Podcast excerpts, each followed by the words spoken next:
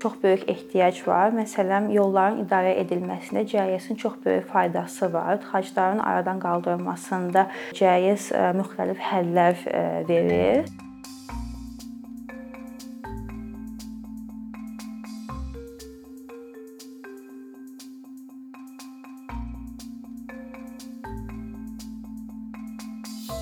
Coğrafi informasiya sistemləri məlumatların yaradılması, toplanılması və saxlanılması üçün yaradılmış bir sistemdir.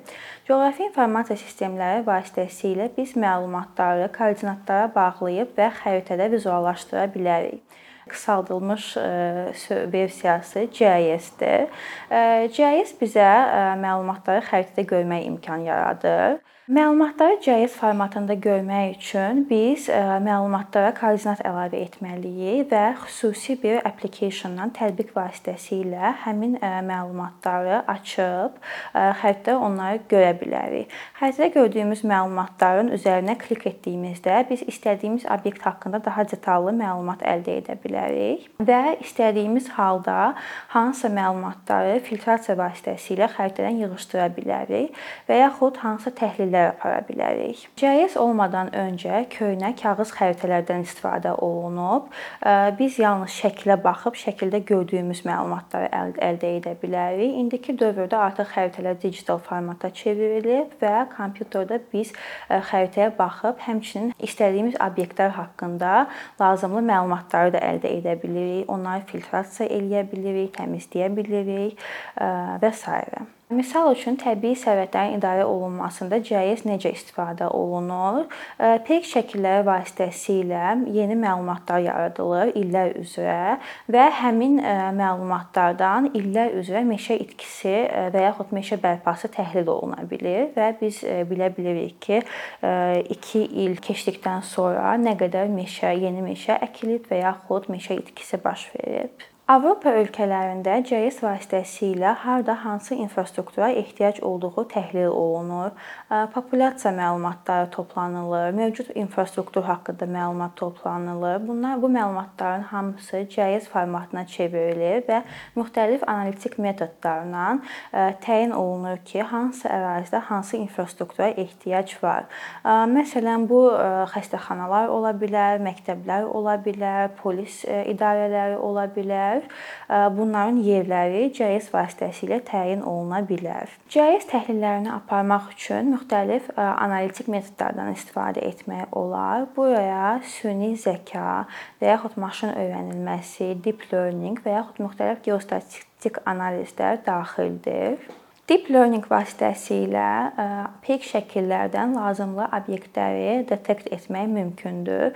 Məsələn, bizə binalar lazımdırsa, biz deep learningdən istifadə edərək orta şəkillərdən və yaxud peyk şəkillərdən həmin e, binaları e, detekt eləyə bilərik. Machine learning vasitəsilə biz torpaq örtüyün klassifikasiyasını əldə edə bilərik. Məsələn, peyk şəkillərdən biz meşə örtüyünü əldə edə bilərik. Bu necə baş verir? Peyk şəkilləri götürülür və mütəxəssislərə verilir. Mütəxəssislər oradan müxtəlif machine learning alqoritmlar alqoritmi vasitəsilə meşə örtüklərini təyin eləyirlər.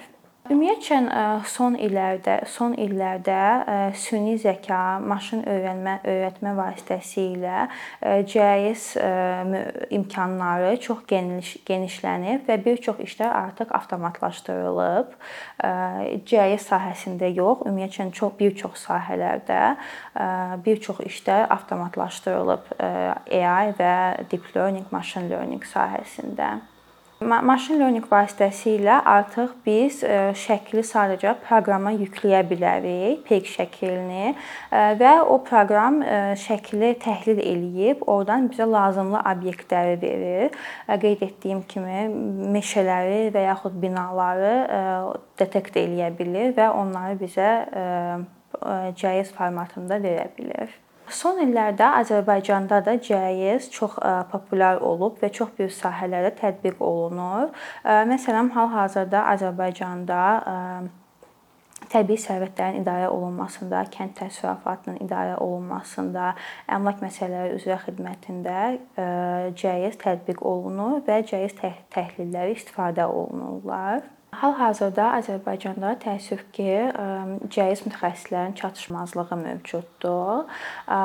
Bu buna görə baxmayaraq ki, bir çox sahədə cəyiz Azərbaycanda tətbiq olunur, hələ də lazımlı səviyyədə inkişaf olunmayıb. Amma düşünürəm ki, gələcəkdə bu ixtisas daha populyar olduğunda bu sahədə mövcud olan mövcud olan mütəxəssislərin sayı da artar. Çünki çox böyük ehtiyac var. Məsələn, yolların idarə edilməsində cəyisin çox böyük faydası var. Tıxacların aradan qaldırılmasında cəyiz müxtəlif həllər verir və düşünürəm ki, bu sahədə mütəxəssislərin sayı daha da artsa, bu ölkə üçün çox faydalı ola bilər. Thank you.